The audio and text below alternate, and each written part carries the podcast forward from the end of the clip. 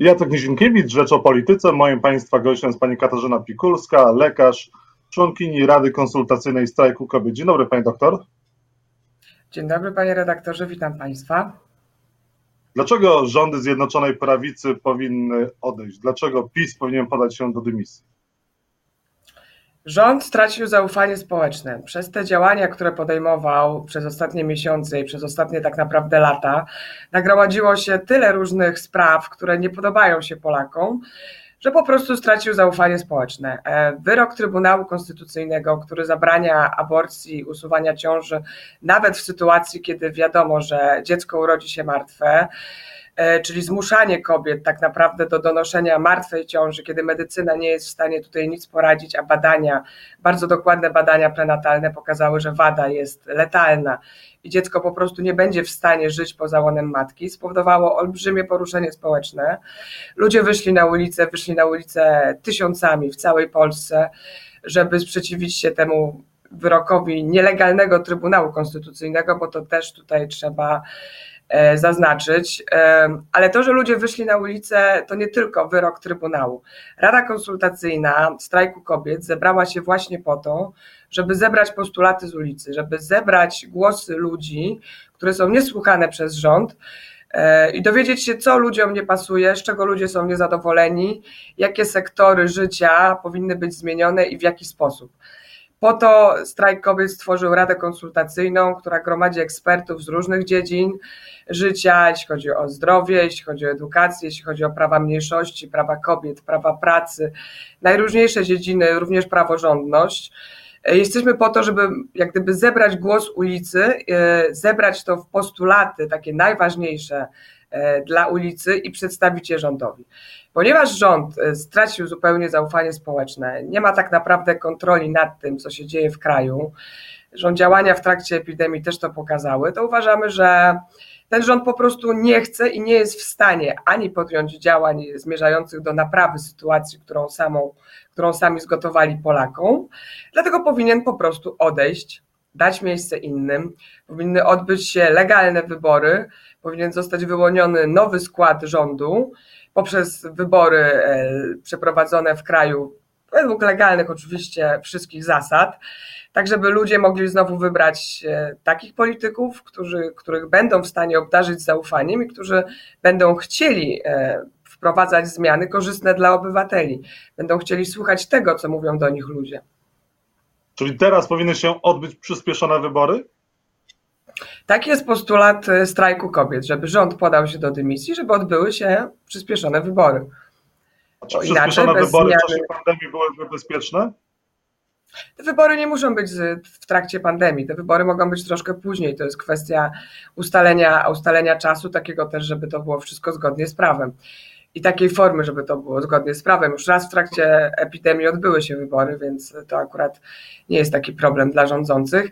Bardziej istotne jest to, żeby e, w Polsce była władza, która nie tylko odpowiada na e, na głos obywateli i słucha tego, co obywatele mówią, ale również taka, która jest zdarzona jakimkolwiek zaufaniem społecznym, bo bez tego nic, nic się w kraju nie wydarzy.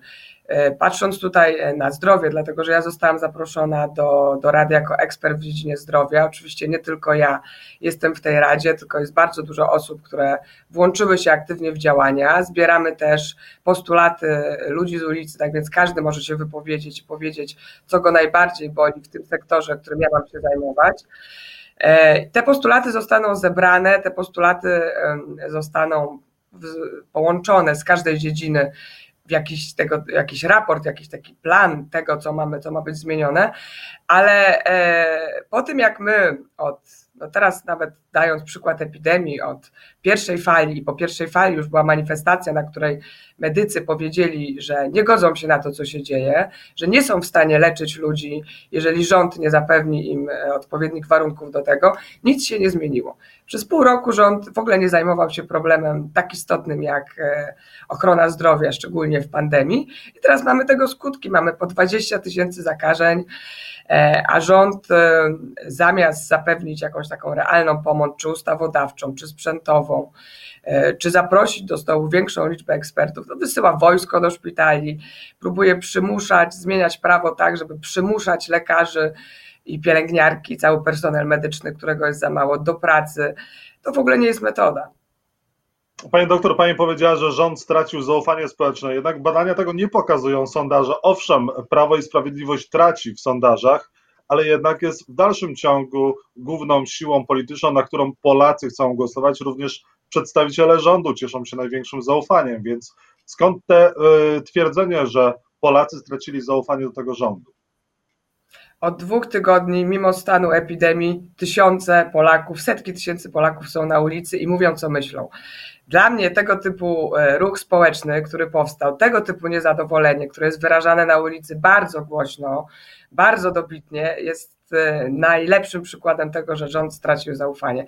Sondaże, słupki to jedno, ale to, co mówią ludzie e, i to, jak reaguje społeczeństwo na działanie rządu, dla mnie jest najważniejsze.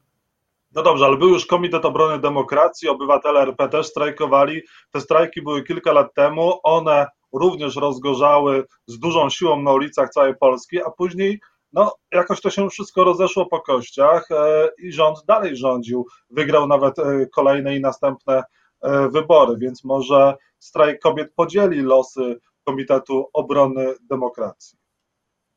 Nie wiem, jak skończy się, e, jak skończą się te protesty. Nie jestem w stanie przewidzieć przyszłości. Wiem za to jest, jak duża jest determinacja we wszystkich osobach, które biorą udział w tych protestach. Jak duża jest determinacja nas, e, żeby rząd wreszcie zaczął słuchać tego, co my mówimy, żeby te działania były w jakiś sposób w ogóle złączone z tym, co się dzieje w kraju dlatego że tych dziedzin, e, w których rząd zawiódł, jest naprawdę dużo. Mamy bardzo duży problem e, z prawodawstwem i praworządnością w kraju. To, że Trybunał Konstytucyjny jest wybrany nielegalnie i że prawo, które jest stanowione przez te wszystkie nielegalnie wybrane twory, ma być prawem, e, które ma obowiązywać w Polsce, jest bardzo dużym problemem, dlatego że wydaje się, że rządzący ustalają prawa tak, żeby im to pasowało do jakiegoś schematu, zupełnie nie patrząc na to, jak to wpłynie na los obywateli, którzy wybrali, wybrali władzę i oczekują od władzy, żeby ich chroniła. Zdrowie jest jedną z najwyższych wartości jakie, jakie tak naprawdę patrzy człowiek. Jest to dla niego bardzo istotne. O ile jesteśmy zdrowi, to wszystko jest w porządku. Ale jeżeli rząd w sytuacji, kiedy Polak, obywatel jest chory, nie jest w stanie zapewnić dostępu do ochrony zdrowia i ta ochrona e, życia e, tak naprawdę i zdrowia nie istnieje i nic nie robi w tym celu, mimo że tak naprawdę eksperci mówią, co powinno zostać zrobione, to nie można pozwolić, żeby rząd dalej zaniedbywał po prostu ludzi. E, w ten sposób, w ten sposób do niczego nie dojdziemy w kraju. Nie może też tak być, że jeżeli ludzie, naród, ulica, e, ulica, ale to są obywatele, to są zwykli ludzie, to są ludzie, którzy nie mają dostępu do, e, do mediów na co dzień, dlatego wychodzą na ulicę, żeby się wypowiedzieć.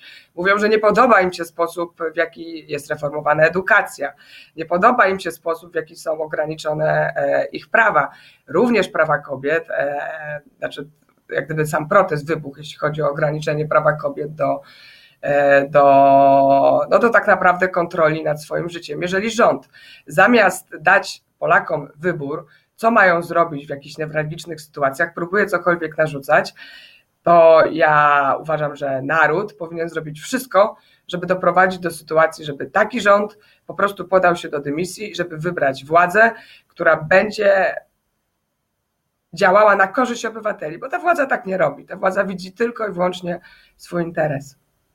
No dobrze, są postulaty strajku kobiet, między innymi 10% PKB na ochronę zdrowia, jak również e, chcecie, żeby e, państwo przestało finansować TVP i Kościół i te pieniądze zostały przeznaczone na ochronę zdrowia, bo jak nie, no i dajecie ultimatum 7 dni. Te 7 dni już minęło. No i co w takim razie teraz? Protesty cały czas trwają, strajk e, cały czas zbiera postulaty i organizuje się do działania. Został zapowiedziany strajk generalny strajk generalny, który ma obejmować całą Polskę. Jeszcze nie wszystkie ultimata zostały przekroczone i działania będą podejmowane na bieżąco. Sytuacja się rozwija, więc to zobaczymy, co dokładnie się wydarzy, ale jeżeli rząd dalej będzie głuchy i nie będzie reagował w żaden sposób, nie spełni żadnego z postulatów, a przede wszystkim nie skupi się na tym, żeby się rozwiązać, podać do dymisji, rozwiązać w ciągu 300 dni Sejm i ogłosić nowe wybory, to zostanie ogłoszony strajk generalny w kraju. Do tego szykuje no ale... się strajk kobiet chyba przyzna pani, że rząd jednak nie spełni tego postulatu podania się do dymisji i rozpisania nowych wyborów. No nie po to wygrał przed chwilką wybory e, i serię kolejnych wyborów, żeby podawać się teraz do dymisji. Dlatego szykujemy strajk generalny. Kiedy on odbędzie się? Nie znam jeszcze szczegółów i też nie chciałabym ich podawać. Sytuacja jest dynamiczna i się rozwija. Ale to ma być strajk znacznie większy od tych strajków, z którymi teraz mieliśmy do czynienia w ostatnich dniach? Myślę, że równie duży, jak nie większy, dlatego że e, przez dwa tygodnie ludzie tak naprawdę nie schodzą z ulicy. Niezależnie od tego, czy są to duże miasta, czy to są małe miasta, niezależnie od tego, jakie zawody wykonują kobiety, które są na ulicy i mężczyźni, którzy są z nimi, to ludzie są zgodni do tego, że nie można odpuścić, nie można darować pewnych rzeczy, bo tych rzeczy za dużo się już po prostu nagromadziło. Za dużo jest dziedzin, w których państwo zawiodło. Za dużo jest ludzi, który, którzy są bardzo poszkodowani z tego powodu, którzy nie są w stanie sobie dać rady e, przy takim małym albo prawie żadnym wsparciu rządu i przy tego typu rozporządzeniach, jeśli chodzi na przykład o lockdown, które są wprowadzone, wprowadzane e, chaotycznie, nadal nie są tak naprawdę odzwierciedleniem sytuacji epidemicznej. Pewne rzeczy są wprowadzane za późno, pewne rzeczy są wprowadzane w ogóle nielogicznie. E, widać po liczbie zachorowań, że, że to nie działa, ale poza tym dla nas, dla medyków, najistotniejsza jest sytuacja w szpitalach. To, co się w tej chwili dzieje, e, to, że nie dość, że nie ma łóżek, to jeszcze na dodatek są zabierane łóżka pacjentom, którzy dosłownie na nich leżą. Na przykład zamykany jest oddział psychiatrii dziecięcej w Szpitalu Uniwersyteckim w Warszawie, bo ten oddział ma być zamieniany na oddział covidowy dla dzieci, gdzie nikt nie pomyśli, co się stanie z tymi pacjentami, którzy tam są, fizycznie przebywają, wymagają tego leczenia szpitalnego. Psychiatria dziecięca w Polsce jest na tak tragicznym poziomie, jest łóżek tak mało, że zabranie takiego oddziału to jest po prostu tragedia dla tych pacjentów. Tak samo się robi w innych szpitalach, ponieważ te łóżka nie były wcześniej przygotowane, to zamyka się oddziały, czy to okulistyki, czy to ortopedii, przekształca się te oddziały na inne. Brakuje tlenu w szpitalach brakuje podstawowych jak gdyby sprzętów do leczenia ludzi. Karetki ustawiają się w długich kolejkach. Jest bardzo duży problem też z dostępem pacjentów, którzy nie są e, e, chorzy na COVID-19 do leczenia. Oni nie wiedzą, gdzie mają iść. Stanęły planowe operacje, stanęła planowa diagnostyka w wielu miejscach chorób nowotworowych. Pacjenci albo są skazani na to, żeby stać w długich kolejkach, albo wisieć na telefonie, a też dalej nie mają pewności, czy dozwonią się do tego lekarza, czy na czas y, dana procedura zostanie wykonana, y, czy to procedura planowa przy chorobach przewlekłych, czy to procedura jakaś przy leczeniu nowotworowym. Ten chaos jest okropny. Odpowiedzią na to nie ma takiej odpowiedzi jak na przykład, dobrze, brakuje wam tlenu, to my zrobimy wszystko, żeby ten tlen z całej Polski ściągnąć. Tylko są jakieś doniesienia, że gdzieś tu pomogło wojsko, gdzieś tu lasy państwowe zaopatrzyły szpital w tlen. Mamy oferty pomocy e, ze strony naszych sąsiadów, ze strony Niemiec. Rząd taką ofertę pomocy, po prostu o pomocy zwykłej, lekarskiej, takiej medycznej pomocy, przyjęcia chorych z COVID-19 na łóżka szpitalne, które czekają, odrzucił. Dla mnie to jest po prostu karygodne. Ja też dostałam wczoraj informację, że, że dalej ta pomoc jest e, aktualna, że czekają łóżka za granicą po prostu e, na pacjentów i z prośbą o to, żeby tą informację przekazać dalej, ja, ja ją przekażę. E, ale to resort zdrowia, urzędy wojewódzkie, w momencie, kiedy mają jakąkolwiek możliwość przekierowania pacjentów, kiedy system jest niewydolny, powinny taką propozycję przyjąć i wziąć pod uwagę. A tutaj słyszymy z ust e, ministra Niedzielskiego, że wyśle żołnierzy, bo lekarze i dyrektorzy szpitali rzekomo ukrywają łóżka, co jest największą bzdurą, jaką można sobie w ogóle wyobrazić. Pani doktor, a czy strajkowanie, protesty w czasie pandemii to jest etyczne z punktu widzenia lekarza? To nie jest kwestia etyki, tylko kwestia tego, że ludzie nie wytrzymali e, i po prostu nie są w stanie stolerować tego, co się dzieje. Ja zakładam, że ludzie, którzy wychodzą na ulicę, znają swój stan zdrowia i z tego, co widziałam, bo też byłam na ulicy, to wszyscy noszą maseczki i starają się, e, starają się przestrzegać tych zasad, które, których mogą przestrzegać, a poza tym wątpię, żeby ktoś z aktywną chorobą wychodził na ulicę. E, akcje mogą być różne. Porozumienie rezydentów wraz ze, ze skalpelem przeprowadziło w trakcie zaduszek taką symboliczną akcję zapalania zniczy pod szpitalami, żeby pokazać, jak wiele osób ucierpiało z powodu niewydolnego systemu ochrony zdrowia, jak wielu pacjentów zmarło, a można by było tego być może uniknąć, gdyby ten system funkcjonował lepiej. Jak wielu medyków straciło życie, dlatego że nie mieli zapewnionych środków ochrony, a jednak nie zostawili pacjentów. Środowisko medyczne naprawdę jest zbulwersowane. Podejmujemy bardzo dużo różnych e, prób, listów, apeli, manifestacji, happeningów. Robimy wszystko, co możemy, żeby powiedzieć rządzącym, co jest źle i co można robić. Wypowiadają się eksperci, wypowiada się Naczelna Rada Lekarska. Rozpoczął się protest ratowników już jakiś czas temu, którzy są, będąc na pierwszej linii frontu, po prostu widzą, e, że nie są w stanie dojechać na czas, że karetek jest za mało, że muszą czekać godzinami z pacjentem, z którym nie wiadomo, co się stanie, jeżeli on szybko nie znajdzie się w lecznictwie, w lecznictwie szpitalnym i szybko nie dostanie tego tlenu, tej pomocy, której nie są w stanie im zapewnić e, ratownicy w karetce. Oni protestują. W środowisku lekarskim też jest bardzo duże poruszenie.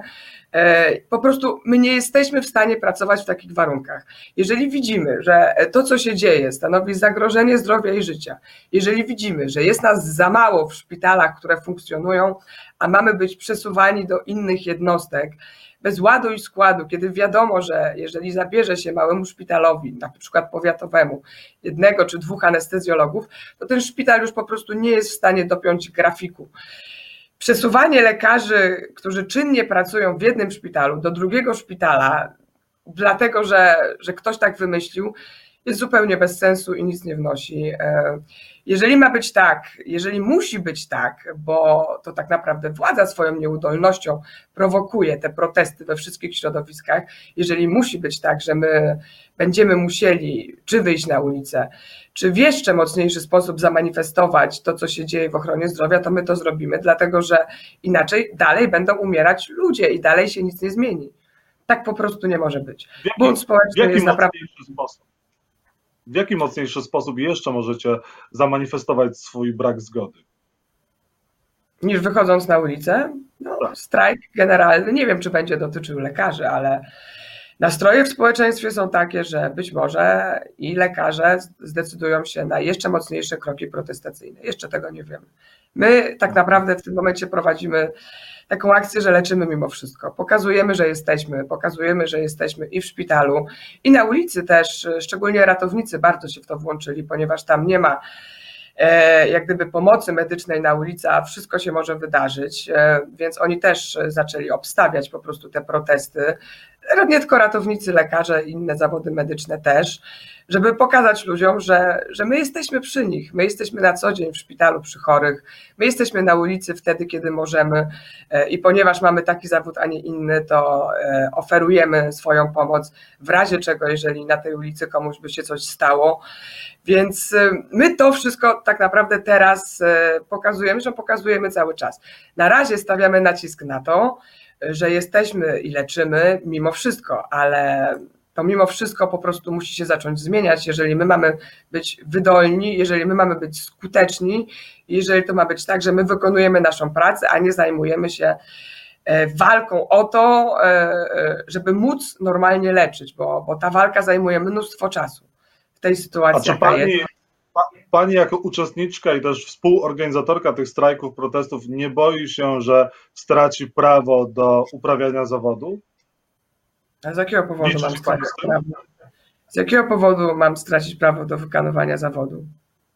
Ja nie no nie wiem, może, może okazać się, że e, przełożeni lub też e, wejdzie jakaś ustawa, minister e, wkurzy się w pewnym momencie na lekarzy. Widzimy, że no, są mocne środki wobec tych, którzy protestują wdrażane, więc nie wiadomo, czego się spodziewali do końca. Bierze Pani pod uwagę tego typu scenariusz, czy Wy, lekarze strajkujący, bierzecie pod uwagę tego typu scenariusz?